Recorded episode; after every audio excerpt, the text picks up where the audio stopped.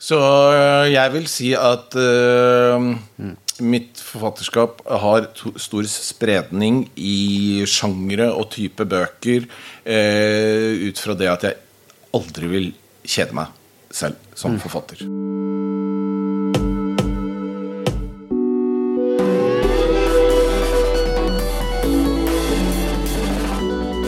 Velkommen til Forfatteren og favoritten, en månedlig podkast om litteratur for unge voksne. Forfatteren og favoritten er podkasten der en forfatter forteller om sine egne bøker, og aller mest om sine favoritter som ung leser, og om sitt eget liv som ung. Dagens episode blir spilt inn med et sprell levende publikum. Er det lyd i dere? Ja, ja, ja. Veldig veloppdragent. Fint på Drammensbiblioteket under Kulturytring 2023. Jeg heter Arne Olav Hageberg og er eh, programleder og redaktør i Bok og bibliotek. Og med meg så har jeg òg Marie Sandvik som medprogramleder, og dagens gjest er selveste Arne Svingen. Velkommen. Ok, Det skal handle om deg, Arne, aller mest, jeg lover. Men først vil jeg bare at alle skal få hilse på Marie. Eh, bare fortell litt om deg sjøl. Hvor gammel er du, f.eks.? Uh, jeg er 18. Ok, jeg er 50. Arne, du er Jeg, jeg får ofte dette spørsmålet når jeg er rundt på skoler, og da pleier jeg å si 23. Ja. Og da nikler de alle sammen. Han er voksen, ja, så da er 23 sikkert riktig. Ja, like Så, som 50. men jeg kan godt være 24 altså, det i dag. Ja, ok. Vi, vi kommer tilbake til det. Eh, Men eh, Marie, hva gjør du på til vanlig når du ikke sitter her på Drammens eh, biblioteket og snakker i pod? Um, nei, jeg eh, spiller i band. Ja, Um, så det gjør jeg òg. Er ikke du òg det, Arne? Ja, vi skal jo snakke om min ungdomstid, så da regner jeg med at vi vier det meste av tida til eh, bandet jeg spilte i. Ja. Mm. ok, og så um, Ja, så uh, faktisk nå på fredag stikker vi til Trondheim. Til uh, landsfestivalen i UKM. Oh, Ja, gratulerer. Ja, det var tøft. Ja, så det blir veldig spennende. Men du er fra Porsgrunn i, Ja. i, i Vestfold og Telemark enn så lenge? Ja. Ja. Og, og så eh, er du en leser. Ja. Og det er jo litt av grunnen til at du er her, da. For vi, også, men er ikke noe sånn skoleconnection med at du er her òg, egentlig? Jo, eh, jeg går på eh, IB-linja på Porsgrunn, som er en internasjonal linje. Og eh, på den linja så har vi et fag som heter CAS, eh, som står for Creativity, Action og Service. Så eh, i den service-delen av faget så skal vi eh, liksom bidra med noe i samfunnet, da. Så da er jeg med på podcast. så bra. Det er samfunnsnyttig tjeneste. Det er veldig fint. Og vi kan også fortelle at Maria vår medprogramleder på en episode allerede av Forfatteren Favoritten. Eh, Vi er litt sånn hemmelighetskremmeriete når det gjelder hvem vi har snakka med, og hvem som skal komme på poden og sånt, så det kan vi ikke si enda. Men dette, dagens episode blir den første som vi slipper, da, så da kan eh, møte lytterne våre hvor i dag først. Men altså, vi er på biblioteket, eh, og da må vi jo ha faktasjekken på plass. Så da går vi til deg igjen, Arne. Er du virkelig 23? Nei, altså, du er født i 1967. Det er jeg. Ja. Ok, fakta. Så hvis du klarer å regne det ut, så Det kommer an på når du har bursdag. Ja, det er, eh, det er to uker til. Ok, Fremdeles 55. Yep. Oppvoksen på Grorud, stemmer? I Oslo. Og du har eh, artig utdannelse. Blant annet så kan du russisk. Du verden. Um, er det noe du har nytte av nå for tida? Jeg har vel egentlig ikke hatt så mye nytte av det i det hele tatt siden jeg eh, studerte det og bodde et helt år i St. Petersburg. Ja. Um, så egentlig Du kan jo si det var jo ikke en bortkasta tid, men uh, at jeg utdannet meg til å kunne russisk, det har jeg ikke brukt så mye senere i livet, nei. Nei. Men du har sikkert en litt dypere forståelse enn oss andre av en del ting som foregår der borte? Ja, Vil du vi skal snakke om det isteden? Nei, vi, vi skulle gjerne det òg. Det får bli en annen Ja. episode. Ja, ja. Men òg historie, har jeg skjønt. Ja. Har du studert. Mm. mm. Og så har du sett litt i den stolen her. Du har vår journalist. Absolutt. Ja. Og anmelder, ikke minst. En av de viktigste musikkjournalistene her i landet i en periode. Ja, altså jeg begynte jo å skrive om musikk i en tid hvor man hadde stor gjennomslagskraft som uh, musikkanmelder og musikkjournalist. rett og slett, For det var uh, den type kilder man gikk til for å oppdage ny musikk og hva som skjedde, og hva som rørte seg. Mm. I, I dag så er det så mange kanaler, så det er vel nesten ingen musikkjournalister som har noe særlig stor gjennomslagskraft lenger. Men Nei. den gang så så man til musikkavisene. Eh, de store avisene og NRK dekket det i veldig veldig liten grad. Men mm. uh, musikkavisene hadde stor innflytelse. Og, så det var en veldig morsom tid. Det skjedde mye, samtidig som folk Det var en mulighet for å uh, få ut sine favorittartister til mange mennesker. Hva årstall snakker vi om her nå? da, cirka? Jeg snakker jo om 80-tallet. Ja. Det gjør det. Så jeg begynte vel på fanzinenivå tidlig 80-tall. Og ja. så ble det litt mer profesjonelt utover 80-tallet. Jeg må jo si Det er kanskje gullalderen da, til ja, Det blir jo selvfølgelig dumt at jeg plasserer meg selv i den, men eh, det er jo da man hadde kanskje den største gjennomslagskraften. For før det, det var noe bitte lite grann på 70-tallet. Det starta mm. opp eh, litt grann da. Og så kom 90-tallet, hvor, hvor, ting skiftet litt igjen. Men jeg holdt på også utover 90-tallet. Mm. Eh, og så bor du nå òg i Oslo og er forfatter på heltid? Jeg har vært forfatter på heltid nå i 26 år. Ikke sant. Mm. Ok. Du vet da at når du var mellom 15 og 20 år, for vi er spesielt opptatt av den alderen her i Forfatteren favoritten, det var årene da Bruce Springsteen ga ut 'Born in the USA'. Mm. Metallica debuterte med eh, Var det 'Ride the Lightning' som var første? Skal vi, skal vi gå gjennom Nei, samme det. Den er i hvert fall bra. Ok, mm. 'Purple Rain' med Prince kom ut. Live Aid gikk av stabelen. Og Olof Palme ble avliva i Sverige. Hva husker du best fra denne tida? Tenker du på nå på hendelser og um, ja, liksom, relatert til av, av, musikk ja, og sånne ting? Ja, ja, ja. Liksom, Men det er jo sånn at seg? ungdomstida i det hele tatt sitter jo ganske godt spikra. Ja. Det gjør det hos folk. Mm. Jeg har ofte brukt det som sånn eh, relasjon til litteratur. Mm. For jeg er litt opptatt av litteratur. Mm. Så, er, ja, så uh, ber jeg ofte ungdommene om å gå hjem og stille sine uh, foreldre F.eks. For nå er det da et år siden forrige sommer. Så spør de, Hvis de har da lesende foreldre, så spør de, be dem eh, stille spørsmålet hvilken god bok uh, leste du da du var på min alder? Mm. Og da kan de fleste svare med én en eneste gang. Og så er neste spørsmål Hvilken god bok leste du forrige sommer? Og da sliter folk, altså. Det kan til og med være 'Hvilken god bok leste du i juleferien?' Altså, ja, for du bare husker det ikke, liksom. Nei, men de åra sitter på en måte De virkelig gode opplevelsene betyr så veldig, veldig mye. Mm. Hvis vi får ta for eksempel musikk, da, så er det veldig mange som er på eh, min alder, da. Eh, som hører bare på de samme tingene som de hørte på den gang. Mm. Så hvis de hører på, uh, kjøper seg en ny plate eller går inn på Spotify, eller hva, hva søren de gjør, så er det de samme artistene hvis de fortsatt holder på. Mm. De er liksom ikke åpne for å oppdage nytt. Men når du er mellom 15 og 20, det er det eneste du vil, er å oppdage nytt. Mm. Kjenner du igjen Marie? Ja, litt kanskje. Ja. Du, du, har jo på en måte ikke noe sammenligningsgrunnlag, tenker jeg.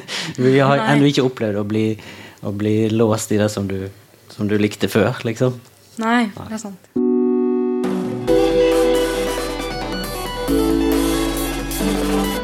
Men eh, nå når du har tatt ordet, Marie, kan ikke du bare fortsette og så spørre litt om uh, ungdomstida til Arne her? Jo. For vi er jo litt heldige her i podkasten vår. Ja. Vi har eh, både tidsmaskin og usynlighetsskapet. Mm -hmm. Ja, Så eh, nå skal vi ta i bruk begge og gå tilbake til en tid hvor du var mellom 15 og 20 år. Og eh, vi drar til en skole som du gikk på. Eh, og du kan velge om det er ungdomsskole eller videregående. Eh, og så er eh, det er storefri, og så finner vi deg. Eh, hvor er du? Hva gjør du? Hvem henger du med? Hvem jeg henger med? Jeg hadde en flokk med kamerater. Utelukkende gutter. Som, som, jeg stort sett hang med. Og de hang jeg med både på skolen og etter skolen. For dette var jo på en måte litt sånn i forkant av at uh, Selv om altså i den grad vi skulle spille dataspill, så måtte vi gå på Shell-stasjonen, Gudim, og putte på sånne penger for å kunne spille Space Invaders. Og, og det, det, løste vi jo ganske greit. For den gang så mener jeg det var, sånne, var det ikke noen femmere som hadde hull i midten. Så det var bare festet en sånn tråd, så vi bare sånn dro den ut igjen etter at vi hadde, hadde fått eh, Men i hvert fall eh, Nei, jeg hadde kamerater som jeg hang med hele tida. Hele tida. Mm. Det var liksom min oppvekst. Mm. Men så var det spilling som opptok dere mest? Nei, det var jo ikke det. Altså, de, eh, det, var, det var bare bitte liten del av det. Hadde det vært den type gaming som det er i dag, så tror jeg nok det hadde vært en mye større del av oppveksten min. Eh, men den gang så var det jo på et litt annet nivå. Det må vi jo kunne innrømme. Og, så vi gjorde alle mulige ting. Vi var stort sett aldri hjemme. Eh, vi hang sammen. Og på Grorud så er det noe som heter Jernbanefjell. Et jernbanefjellet fordi det gikk jernbaneskinner hele veien inn der. Og da var det der er det steinbrudd hvor de tok ut granitt. Det er faktisk noe som heter Grorudgranitt. Som er brukt f.eks. Eh, på Stortinget. Og eh, Grorud kirke, selvfølgelig. Eh, men den ble nedlagt. Jeg vet ikke akkurat nå, jeg tror til og med det var før jeg ble født. Så da står jo dette steinbruddet der. Og det har altså utsikt over hele Groruddalen. Og samtidig så er det sånn skjermet, for det går Trondheimsveien på øverst der. Og så har du ikke noe særlig innsyn fra de boligene som ligger litt nedi der. Så det var på en måte vårt friområde. Så vi holdt til i Jernbanefjellet. Og der kunne vi gjøre akkurat hva vi ville, uten noe innsyn fra noen foreldre. Og selvfølgelig eh, gjøre da en kombinasjon av bare å henge sammen og holde på med våre ting, til noe som kanskje ikke var helt ufarlig. Nei, Nei eh, du var ikke sånn som festa, da? Jo, etter hvert så ble det jo det. Helt åpenbart. Det, og gjerne da i kombinasjon med det at vi fikk stjålet oss noen spett. og disse spettene ikke sant? Tenk deg, Dette er et gammelt steinbrudd hvor det har altså vært sprengt ut stein. Og vi er ganske høyt oppe. Og da er det masse sprekker. Og det derre følelsen av å få noen tonn stein til å rase ned en fjellside når du er f.eks. 15-16 år ja, Det er en fabelaktig opplevelse. Ja. Men selvfølgelig ikke helt ufarlig. Er, men gutter som er i den alderen Jeg vet ikke åssen det er med jentene. Vi hadde jo ikke så mye kontakt med dem akkurat i den alderen. Så, men eh, de ikke, tenker ikke så mye konsekvenser. Så vi holdt på med disse spettene våre, og vi gjorde det som vi kalte bikka. Som var rett og slett å få ut de der enorme steinene. Og mm. nedenfor der så var det jo eh, et område hvor altså Det var ikke noen bebyggelse eller noe som helst sånn. Men det hendte en sjelden gang at det dukket opp en hundelufter. Så etter hvert så slutta folk å lufte hundene sine for det var sånne uforklarlige steinras. det gamle Men du har jo skrevet om dette òg, i Pøbelkomiteen-boka di? Ja da, jeg har jo da en, eh, en, bok hvor jeg måtte ta fram noen av de opplevelsene ja. som jeg hadde som ung. og Den het Pøbelkomiteen. Kom ut som en roman for voksne i 2005. Den er sånn ca. 70% sann. Og så måtte ja. være altså, alle de som leste den, sa at det må være en nåtidshistorie som binder det sammen. Veldig interessant. Så måtte jeg liksom klistre på det for å på en måte henge dette sammen. Og så kommer det alle leserne, og veldig mange som leste det, da, som, som, vokste opp på den tida. Og de sa 'hva gjør den nåtidshistorien der'? Ja, ja. Så noen ganger så har ikke de der uh, litteraturfolka rett. Men, uh, men leserne mener jeg hadde rett. Du har lest den boka? Jeg har lest den. Du har det, ja? ja. Mm. Hva, hva tenker du om den boka? Jeg syns den var ganske morsom, egentlig. Um, Litt av en oppvekst? Ja. Og så denne guttegjengen finner jo på ganske mye rart. Um, det var sånn del jeg husker hvor de stakk av med en sånn protese. Bein. er det sant? Ja, altså jeg, jeg, jeg, kommenterer selvfølgelig ingenting, men du kan gå ut fra at det meste er sant. ok, ja. Okay. Ja, ja, ja. ja, men vi må gjøre, vi. Vi har mye vi skal gjennom. Eh, så, men vi har jo et spørsmål som vi eh, Et par spørsmål som vi må spørre alle. Og det ene er jo om du har et eksempel. Hva er liksom det dummeste eller flaueste du gjorde din største tabbe, liksom, i den tida? Jeg tenker jo at La oss si da at man kunne reist tilbake i tid. Og jeg kunne nå gått tilbake og uh, unngått en del av de tabbene som jeg helt klart gjorde da jeg var 15-16-17 år. Med den eh, lille visdommen jeg kanskje har i dag. Så ville jeg gjort det? Aldri i verden. Tenk så kjedelig livet hadde blitt da hvis du ikke får lov å gjøre de der feilene og tabbene som man må igjennom. Og jeg har gjort masse av det, altså. Noen ganger. Og jeg hadde jo en sånn tendens til å bare gremmes noe helt vanvittig.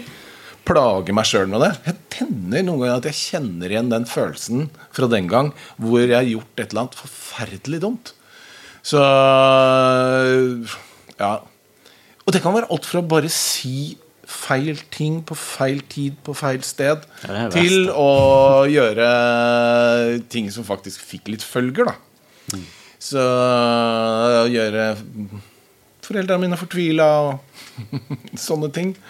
Så Men eh, Nei, altså de beste, beste historiene De ligger jo allerede i uh, Pøbelkomiteen. Så det, der er det jo også ting hvor vi driter oss ut. Ja. Men eh, hvis du skulle eh, gitt et råd til oss som er ja, si 18 da, i dag, hva ville du sagt da? Jeg, jeg har vært opptatt av et råd eh, som jeg ville, også ville gitt til meg selv som 18-åring. Fordi eh, nå er jo du en som leser bøker. Og, og jeg var også en som leste bøker. I tillegg til å henge med kameraten min hele tiden. Fordi eh, jeg leste på senga. Magisk eh, tid å le lese. Eh, så er det jo sånn at veldig mange på din alder De leser jo ikke bøker, og kanskje særlig gutta gjør ikke det. Men eh, da har jeg et råd som jeg ofte kommer tilbake til, som jeg vet de antagelig aldri følger, men som jeg gjerne skulle gjort sjøl. Og det Jeg vet ikke om de fantes engang, da, men jeg finne en god bok sett fra en jentes perspektiv som forteller meg noe om hvordan jenter tenker. Det perspektivet det mangler gutta. Det mangla jeg også. Og det hadde vært så verdifullt. Jeg sier jo til de gutta som jeg møter, særlig da sånn på ungdomsskolen, at hvis du leser den boka, så får du helt sikkert kjæreste i løpet av ungdomsskolen. Er det ei spesiell bok du tenker på? Eller? Nei, da, nå finnes det mange. Det er det som er det fine. Mange å velge mellom. Men jeg tror et av kriteriene må være at eh, hovedpersonen er en jente. Mm. Og sikkert lurt at det også er en kvinnelig forfatter. Ja, det kan godt hende. Så tenker jeg trenger ikke å sitte på bussen og lese det. Det trenger du ikke. Sånn at alle ser det. Les det på senga når uh, er i ferd med å legge deg. Og hvis den er kjedelig, så er det jo verdens beste sovemedisin. Men hvis den er god, så kommer du til å bli liggende utover natta. Det gjør man når man virkelig Du kjenner jo til det. Ja, ja. Mm. Så da er det sånn Oi, klokka er to. Jeg skal jo tidlig opp i morgen. Da sover hun veldig godt etterpå, da. Ok, vi må videre til å snakke litt eh, om forfatterskapet ditt. Og eh, da har jeg en utfordring til deg. Kan du gi et riss av ditt eget forfatterskap på Ja, du kan få ett minutt. Eh, jeg har jo da med ett unntak skrevet skjønnlitterære bøker.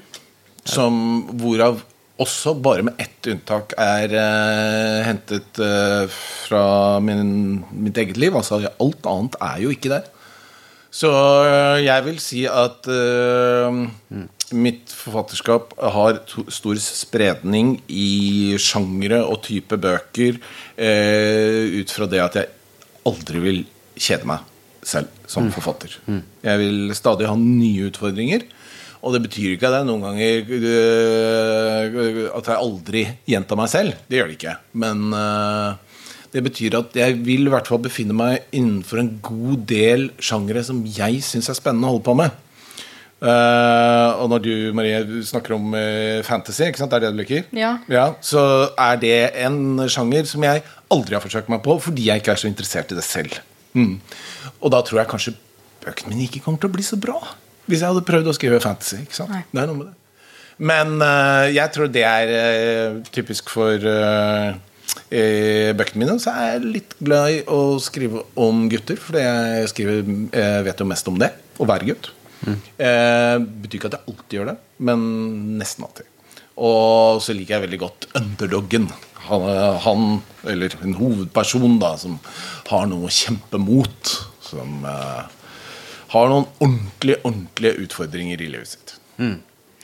Og så eh, Det var godt gjort, tenker jeg, når en tenker på mengden. For den må vi jo nevne. Det er vel ingen andre samtidsforfattere som har skrevet så mange bøker som deg, tror jeg. Jo da, det er det jo. Oh, ja. ja. Ja, Tor Åge Bringsværd overgår meg glatt. Ja, Men han, er, han har hatt bedre tid på seg. Han har bedre tid. Eh, vi har jo Jon Evo. Han har hatt ti år mer. Eh, I hvert fall i alder. Eh, og han har også flere bøker. Så mm, det er vel Det er jo en konkurranse, dette her, er det ikke det? Ja, jeg vet ikke om jeg skal forsøke å konkurrere med Tor Åge. Det tror jeg ikke er hans. Men, eh, men Jon, han skal jeg slå, selvfølgelig. Det er helt Ja, klart. det er klart. Ja. Det er veldig bra. Eh, Det er jo det er over 100, godt og vel. Vet du sjøl? ja, nei, Jeg vet ikke nøyaktig, men det er nok rundt 120, tror jeg. Ja. ikke sant.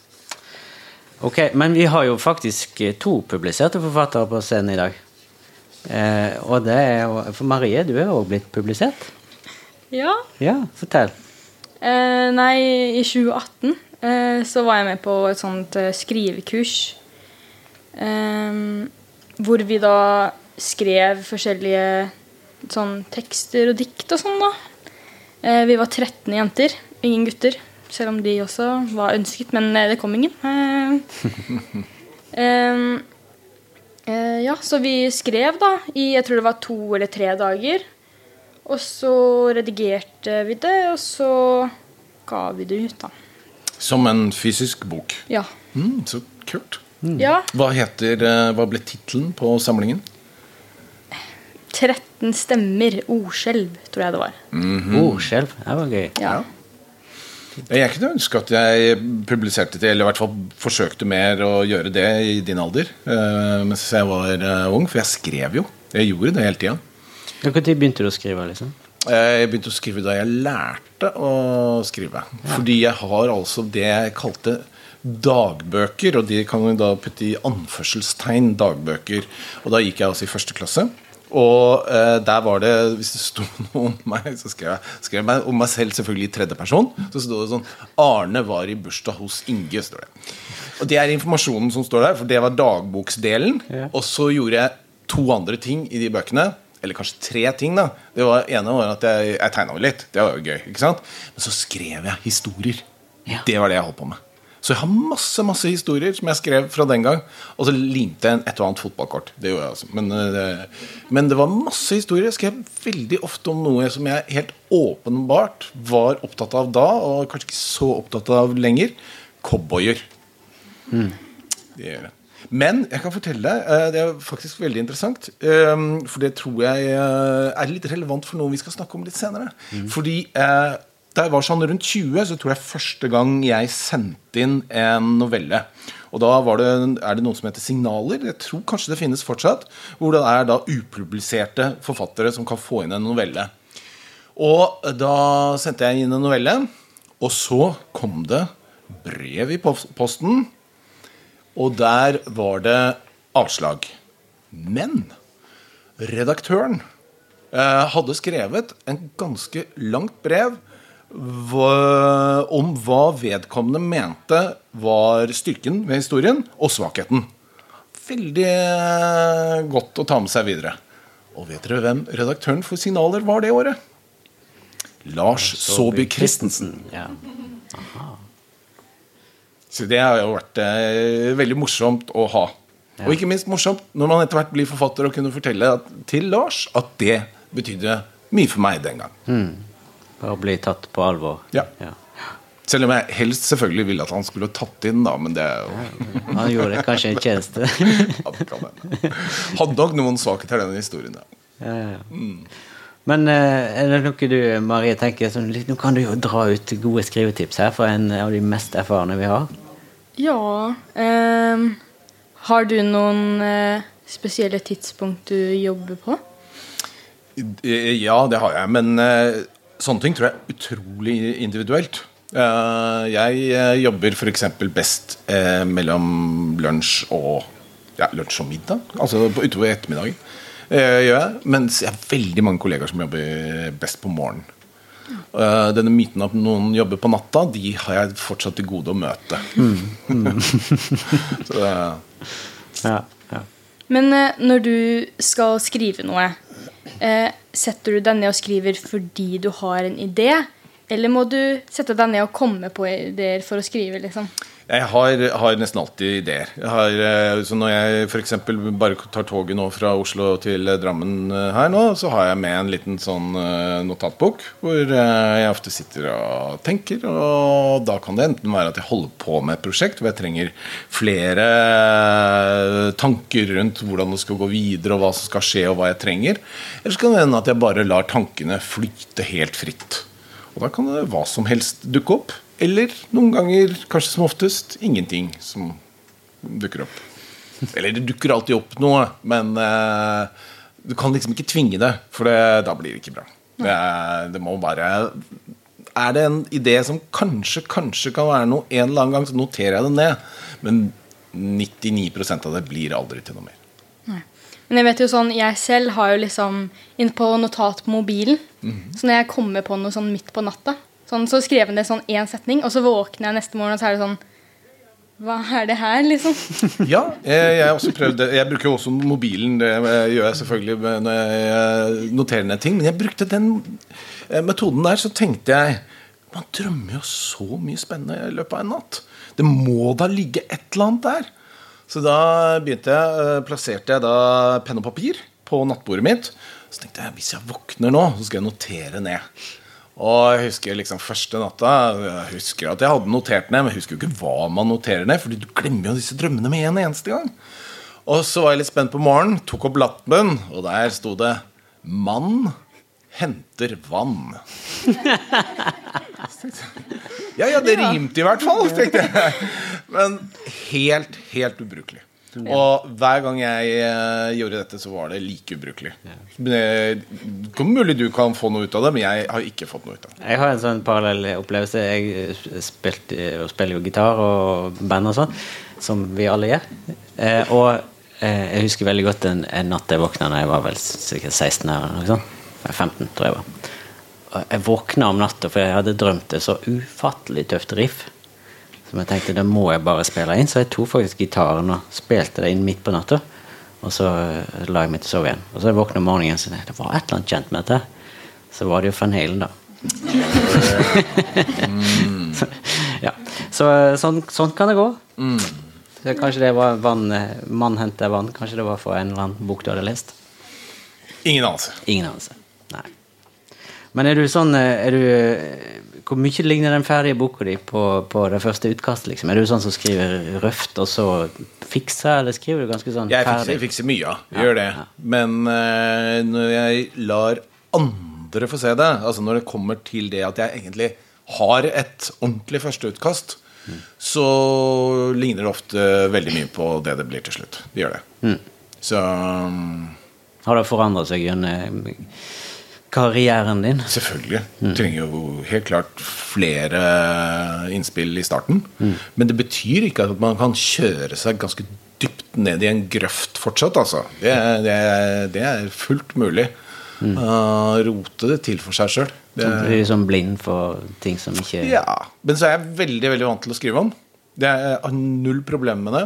Og jeg har en metode som jeg syns fungerer veldig godt. Og det er at jeg, jeg har på en måte Historien prøver jeg å ha på plass. Men det er ikke nødvendigvis sånn at jeg har skrevet nok om hvem disse personene er, og bakgrunnen og scenen og sånne ting.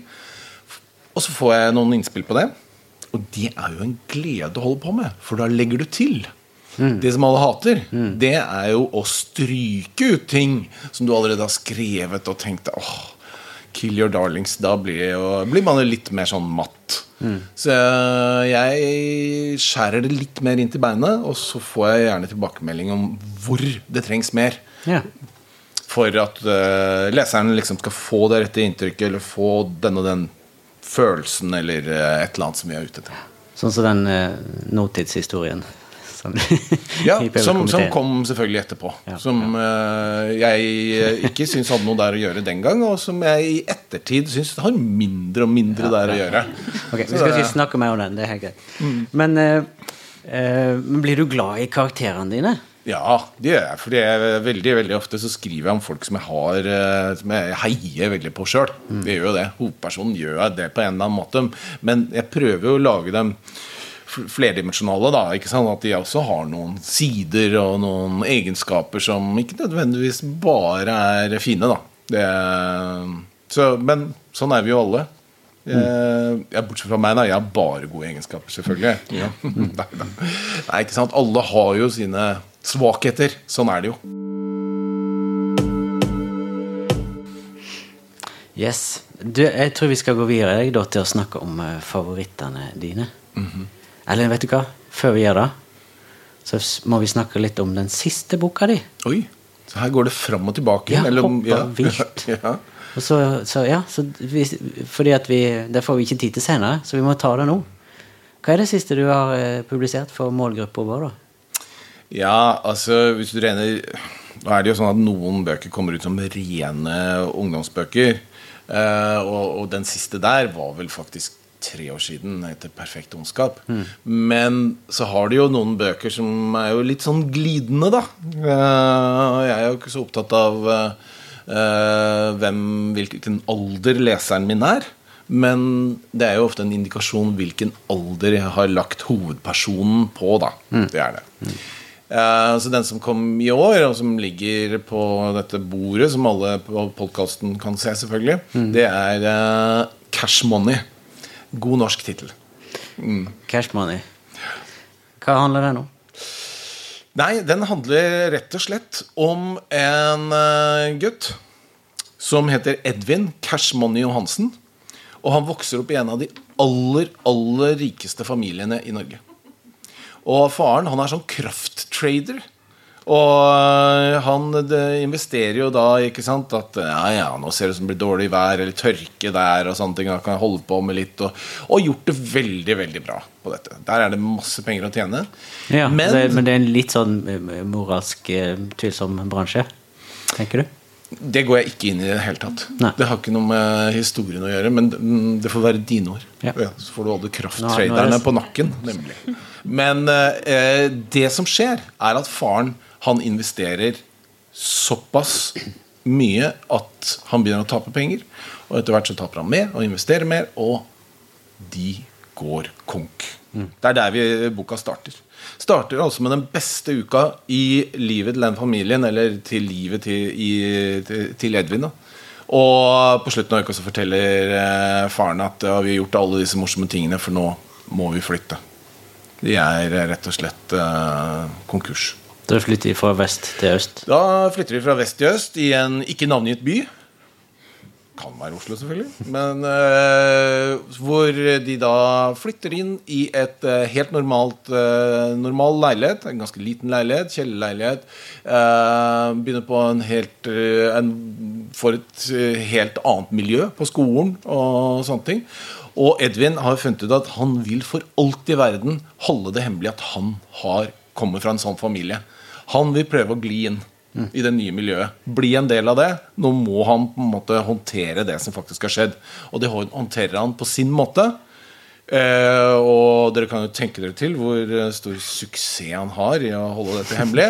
Men eh, så blir det jo da gradvis sånn at han eh, rett og slett tar et slags oppgjør med det livet han har levd. Og blir en slags aktivist i eh, de forskjellene som vi ser i, samfunnet i dag. Forskjellene mellom rik og fattig blir jo bare større og større, også i Norge. Så det er en eh, handling som går på en måte direkte på en person som da opplever begge sidene av, eh, av det livet. Jeg prøvde jo i stad nå, jeg sa at det, dette med, med tradingbransjen og sånn, eh, men, men det som du sier nå er jo Altså, du berører jo på en måte Kaster lys over eh, f.eks. For forskjellen på fattig og rik, da. Eh, og, og utviklingen som er negativ der og sånn. Og da er det jo Det er jo et slags moralsk prosjekt. Du, Ja, det er det. Så tenker du at litteraturen har et slags ansvar for å ta tak i sånt, eller? Nei, jeg eh, tenker ikke på den måten. Når jeg skriver en sånn type bok, så skriver jeg om eh, en historie som jeg uh, syns er interessant. Og så har du jo gjerne med temaer som jeg er opptatt av.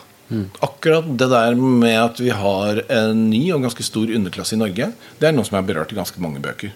Og det er noe som føler jeg har et slags innsikt i. da Oppvokst på østkanten en tid hvor det var liksom det var jo ikke alle som hadde all verden, og sånn er det fortsatt. Og kanskje i, nesten i enda større grad nå, at forskjellene er større. Så da prøver jeg å berøre det. Men jeg har ikke et sånt prosjekt hvor nå skal jeg fortelle sånn og sånn til leserne mine. Jeg finner en god historie, og så tar jeg fram de tingene som jeg syns passer i denne historien. Og jeg skriver jo realistiske bøker. Og da er jo dette en del av den realismen som vi lever i. Ok. Du, da skal vi gå over til pallen din. Og på tredjeplass har du ei bok som jeg kommer til å si den tittelen én gang i podkasten her. Fordi at eh, det tenker jeg er greit nok. Eh, og så kan vi snakke om hvorfor det er, vanskelig å si den mange ganger etterpå. Og det er Ingvar Ambjørnsen sin 'Hvite niggere'. Ja, var den jeg satt opp der? Det er en stund siden jeg ble bedt om dette, så jeg, det var det, ja. Mm. Det satte du opp der. Eh, Den har vært i podkasten vår før. Det er altså Jørn Lier Horst hadde òg den på si liste. Han foreslo at den kanskje kunne hete 'Hvite slaver'. Um, uh, fordi han tenkte at disse personene i boka er litt sånn slaver av rusen og, og, og andre ting. Um, ikke alle er enig i den varianten heller, men hva tenker du? Jeg tenker at Hvis den skal skifte tittel, så er det Ingvar Ambjørnsen som må gjøre det.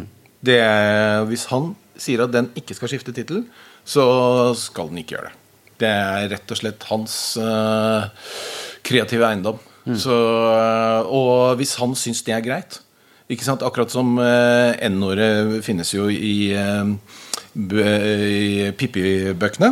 Og Astrid Lindgren uh, sies det snakket om å skifte tittel på denne høvdingen eh, på slutten av livet. Og eh, hvis det er liksom opp til henne, så tenker jeg ja, da, da, da gjør man det. Men å gå inn i litteratur og begynne å forandre etterpå fordi tidene har forandret seg, det er jeg imot. Men det vi kan gjøre, er jo eventuelt å slutte å lese det. Det står jo alle fritt til. Og så kan vi heller lese ny litteratur som er oppdatert på f.eks. dette området. Så jeg eh, har jo med eh, Når jeg snakker om mine favoritter her, så kjører jeg ikke det som en anbefaling nødvendigvis til unge lesere i dag. Nei. For når jeg reiser rundt på skoler, så er det ikke sånn at jeg eh, nevner noen gang bøker som jeg selv leste som eh, ung. Fordi jeg mener at ungdom og barn eh, i det hele tatt er akkurat som vi voksne.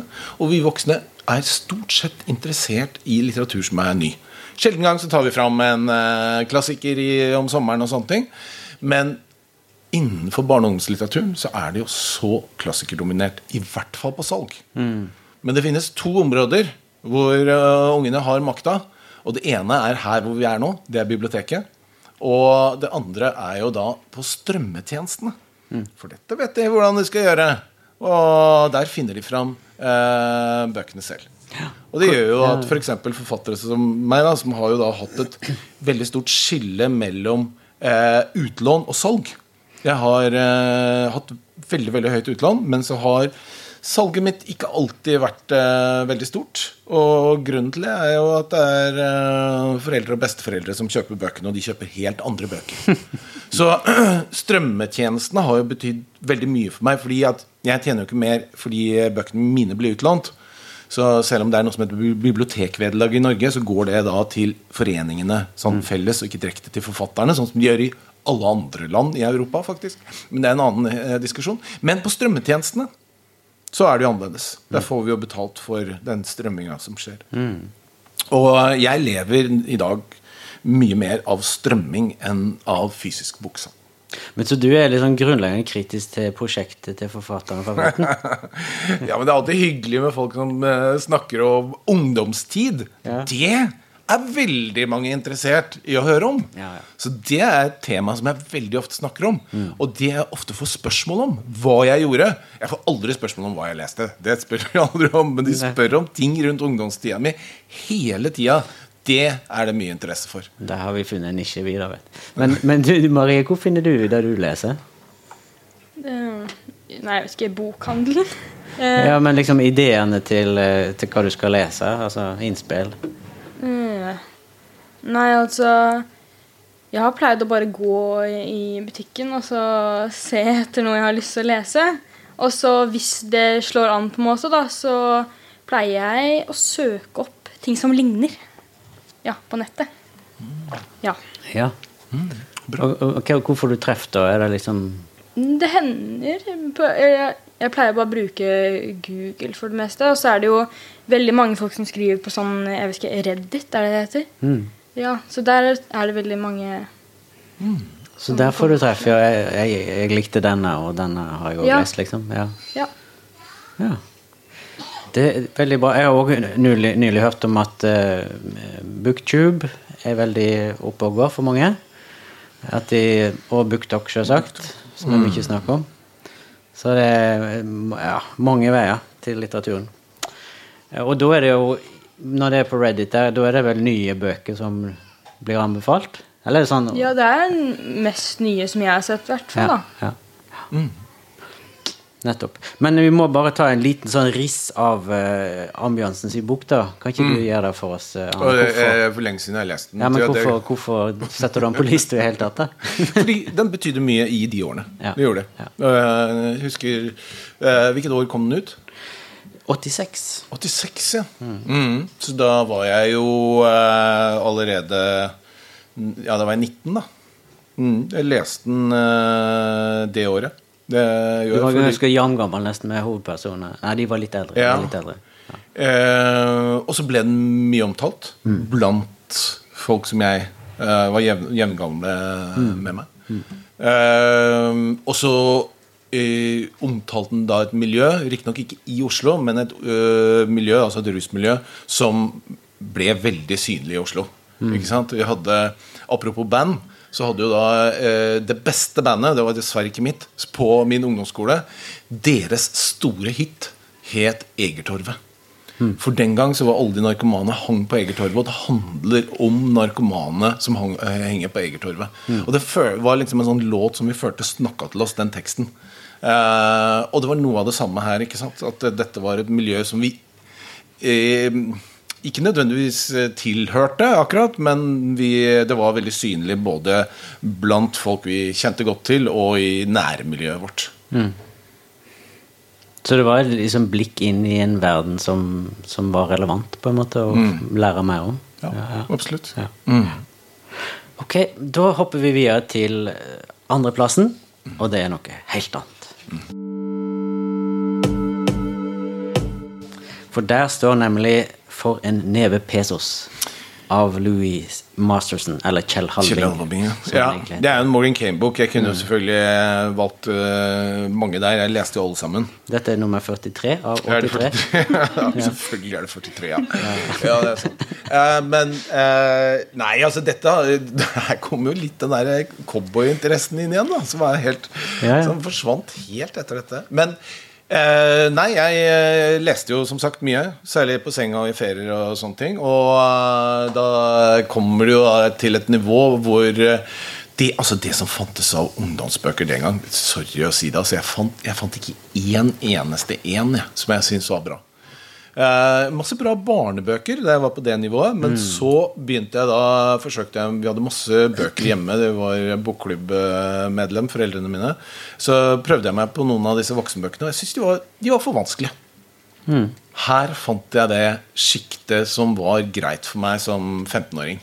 Det var eh, ganske enkle historier. De var eh, godt skrevet, men ikke spesielt eh, vanskelig på språk eller eh, narrativ eller eh, handling eller noe som helst.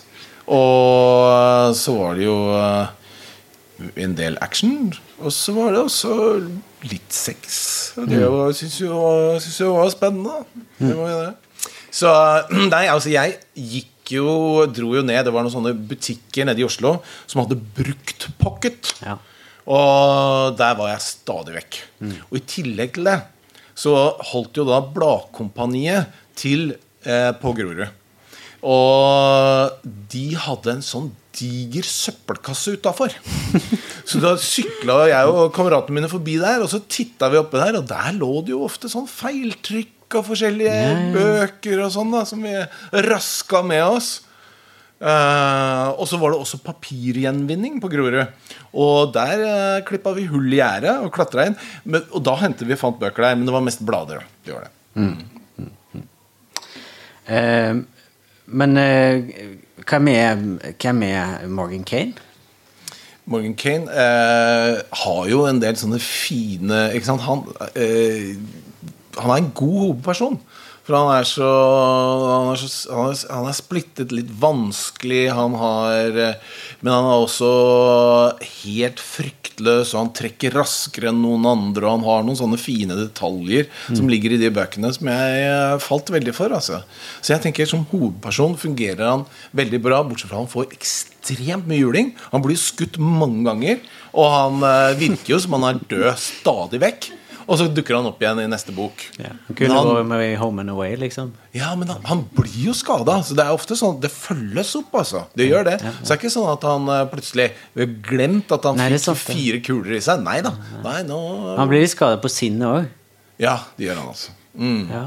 Og det er jo ikke alle actionhelter som blir sånn.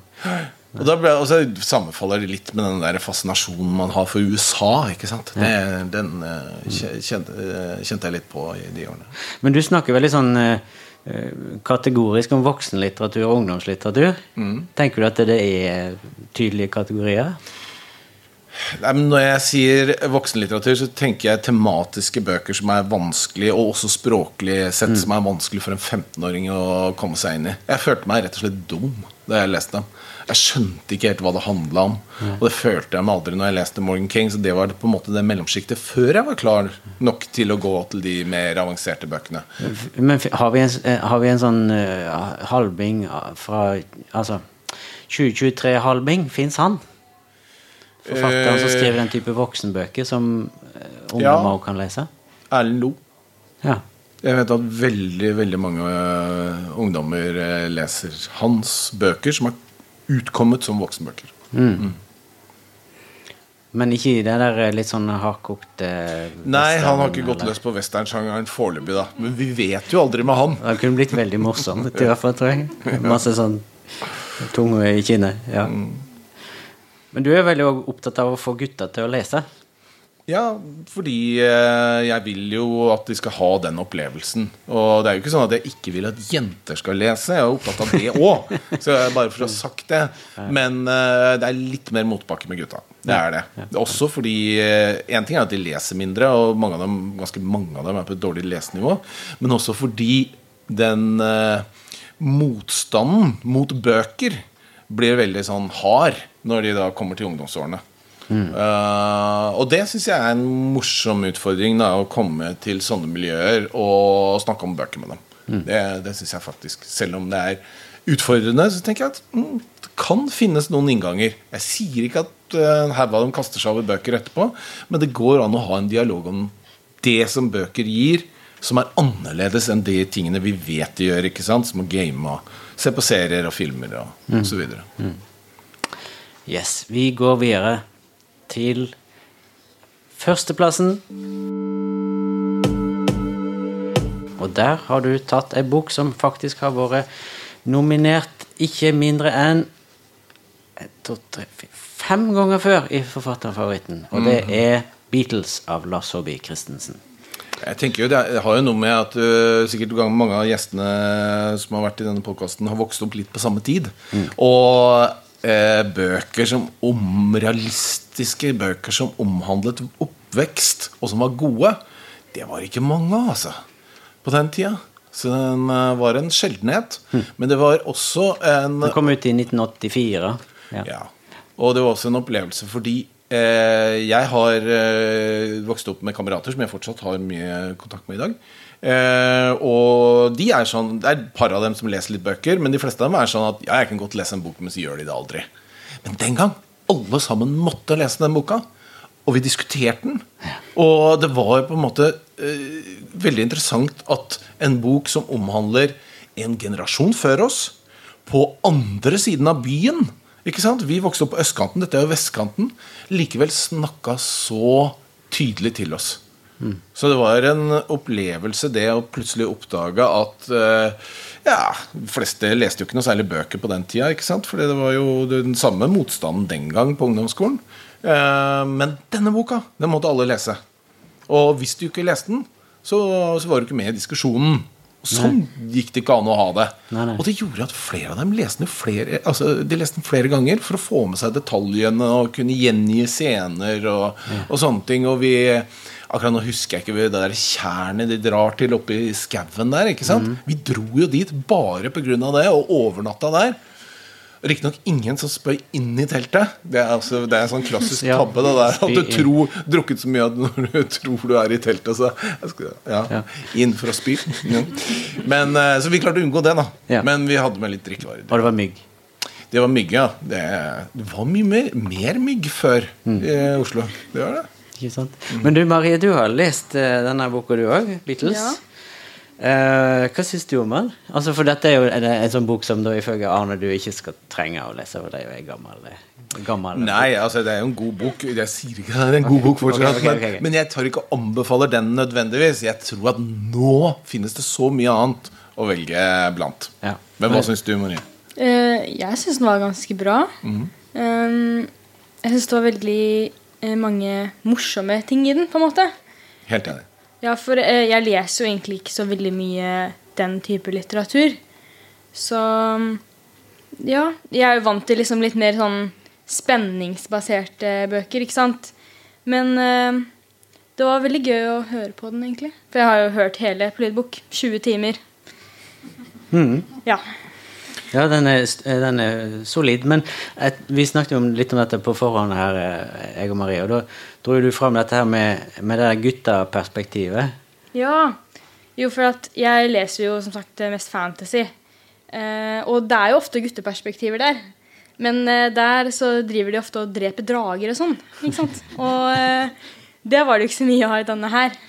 Så det var liksom jeg husker ingen drager. som ble Nei. Det nå er en stund siden jeg har lest den. Nei, ja. Um, ja. Men jeg følte liksom Det uh, perspektivet som ble skrevet i boka, da, jeg følte passa veldig med hvordan jeg tenker liksom guttemiljøet på en måte er i dag også. Mm. Mm. Ja. Mm. Interessant. Mm. Ja, for det er Ja, det er det er jo en realistisk roman. Og eh, Opplever du den som realistisk når du leser den? Du, er klart ja, ja. du er en del yngre enn eh, Lars Saabye Christensen. Men... Ja, ja, helt, helt, klart. Her var det noen som følte at det var noen som skrev om oss. Det var det vi eh, følte. Det var, Vi kunne relatere oss til så mange av de hendelsene uten at vi hadde opplevd akkurat det samme. Mm. Men likevel så kunne vi relatere oss til det. Mm. Og det, det er en det er en oppvåkning på en måte i, i, forhold til litteraturen. Det går an. Det tror jeg ikke jeg hadde opplevd før den boka. Uh, jeg hadde opplevd å få bruke fantasien. ikke sant? Og jeg elsket jo Roald Dahl, de, de bøkene hans. Mm. Men her var det noen som jeg følte Ja, dette kunne vært meg. Uh, for en del år siden på Oslo vest. Jeg kunne vært med i denne kvartetten her sånn. Mm. Og du, når du leste den, da, så 84, da, da var du rundt Ja, du var 19? Nei? Ja. Eh, nei, da blir jeg vel 17, nei, 17 da, kanskje. Mm, mm. Mm. Hvis den kom ut i 84. Midt i. Mm. mm. Har den inspirert deg og liksom påvirka deg som forfatter? Ja, jeg tror at eh, alle de tingene som jeg likte den gang, eh, inspirerte meg. Det tror jeg. Men eh, jeg tror også en del av de dårlige bøkene inspirerte meg. Fordi eh, jeg forteller ofte noen historier til eh, ungene hvor eh, det var jo en del bøker som mangla den gang. ikke sant? Og særlig innenfor det spenningsfeltet. Mm. Fantasy. Det fantes, jo bare tolken. ikke sant? Det var jo ikke noe annet. Så, Så det var vel noe med det at når jeg f.eks. gikk på biblioteket, mitt lokale bibliotek, da, som var på Nordtvet, og sa til bibliotekaren jeg vil ha den mest spennende boka som du har, som passer for meg. Det ba jeg om. Og da var jeg barn. Mm. nå, nå er vi yngre enn eh, det som vi egentlig skal snakke om her. Men så dro jeg hjem, og så fikk jeg denne boka. Handlet om en gutt. Begynte å lese. Handlet om en gutt. Han dro på sommerferie til besteforeldrene, og der hadde det forsvunnet en gås. Og dette var jo et enormt gåsemysterie, for man lurte på hadde gåsa rømt? Eller hadde reven tatt den? Eller kan det være noen gåsetjuver på gang? Eller hadde den bare gått seg bort? Og så drev de og lette litt fram og tilbake med denne gåsa etter denne gåsa og sånn. da Det var litt sånn savn etter gåsa og sånn. Og så skjedde jo dette helt til slutt. De fant gåsa. Og, Og da, da tenkte jeg at ok, dette er den mest spennende boka som passer for meg. Her er det noe som mangler. Og det er, det er inspirerende i seg selv. Ikke sant? Jeg tenkte nok den gang Hva om jeg gjorde dette? Hva om jeg skriver de tingene som eh, kunne få meg til å få hjertet mitt til å pumpe litt fortere, og pulsen til å gå opp, og bli litt grann svett i panna? Det er de bøkene jeg savna. Det vi gjorde, var at jeg vokste opp i den første videogenerasjonen. Og da kunne vi lett få tak i Cannibal Holocaust. Den så vi. Og da var det jo det, Altså, jeg var jo ikke moden for det i det hele tatt. Som tolvåringer eller et eller annet satt jeg og så Cannibal Holocaust og Omen og Halloween og alle de der. Um, så jeg kunne godt tenkt meg da det der mellomsjiktet som jeg selv holder på med i dag. Ikke sant? Hvor det er kanskje litt tilpasset barn, men uh, som er uh, forhåpentligvis da ordentlig spennende. Hva er den beste anbefaling Nei, jeg skal si beste tilbakemeldingen fra en leser som du kan ha fått, som du kan huske? Aller beste eh, Jeg får jo mye tilbakemeldinger, heldigvis. Ja, ja. Så eh, det er jo det. Eh, ja, jeg har jo tenkt Jeg har jo etter hvert lært da at kanskje den beste anbefalingen eh, eller tilbakemeldingen som jeg får, den får jeg relativt ofte. Og jeg ble veldig bekymret da jeg fikk den i starten. Men eh, nå har jeg skjønt at det er et kompliment. Og de kommer til meg og sier at 'jeg leste boka di', og jeg fikk mareritt etterpå. Så tenker jeg, Oi, fikk du det? Det var jo kanskje ikke meninga, tenkte jeg først. Men nå har jeg skjønt at det er rett og slett fordi boka betyr noe for dem. Så den kryper inn i drømmene, og så våkner de midt på natta og så Herregud, hva skjedde nå? Så lenge ikke det skjer i fire uker i strekk, så tenker jeg en sjelden gang. Det er helt ok. Da har litteraturen betydd noe. Jeg var på en annen samtale her under Kulturytring, eh, der det var snakk om dette med eh, litteratur Altså, teksten er en kode som blir kjørt på vårt, vår innebygde VR-motor som vi har inni oss. Og så ser vi liksom alt som skjer der. Bare vi som ser det, ingen andre. Og den der eh, maskinen som det skaper, det er noe helt unikt. Eh, og, og veldig spennende. Og teksten er jo liksom ingenting. Den er bare en kode til han treffer. Så det, det, da, vi- da, og, da, og som en konsekvens av det, så vil jo teksten òg forandre den som leser dette. Akkurat som en kunstig intelligens blir forandra av hva du mater inn i den, så blir vi forandra av hva vi blir mata med. Ja.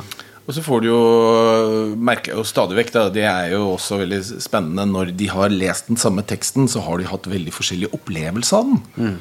De ser forskjellige ting. Og kommer med forskjellige typer tilbakemeldinger. Og en del av dem har jo sett ting i teksten, denne teksten som overhodet ikke står der. Det syns jeg er ordentlig givende. Det er spennende å høre om den type tilbakemeldinger. Hvor de liksom forteller meg om Ja, ja, jeg skrev jo ikke det, men dette er eh, Det kunne godt vært der. Ja. Så fint. Jeg syns det er kjempegøy å snakke med dere om gamle og nye bøker og lesing og skriving og litt grann om musikk og alt vi har holdt på med. Så eh, vi må gå inn for landing, så da syns jeg det skal klappe litt både for eh, Arne Svingen og for Marie. Og litt for meg eventuelt. Tusen takk til Kulturytring Drammen bibliotek og Arne Svingen, eh, forfatteren favoritten i et samarbeid mellom tidsskriftet Bok og bibliotek, der jeg er redaktør, og Porsgrunn bibliotek. Dagens episode ble spilt inn med publikum på Drammensbiblioteket under Kulturytring 2023.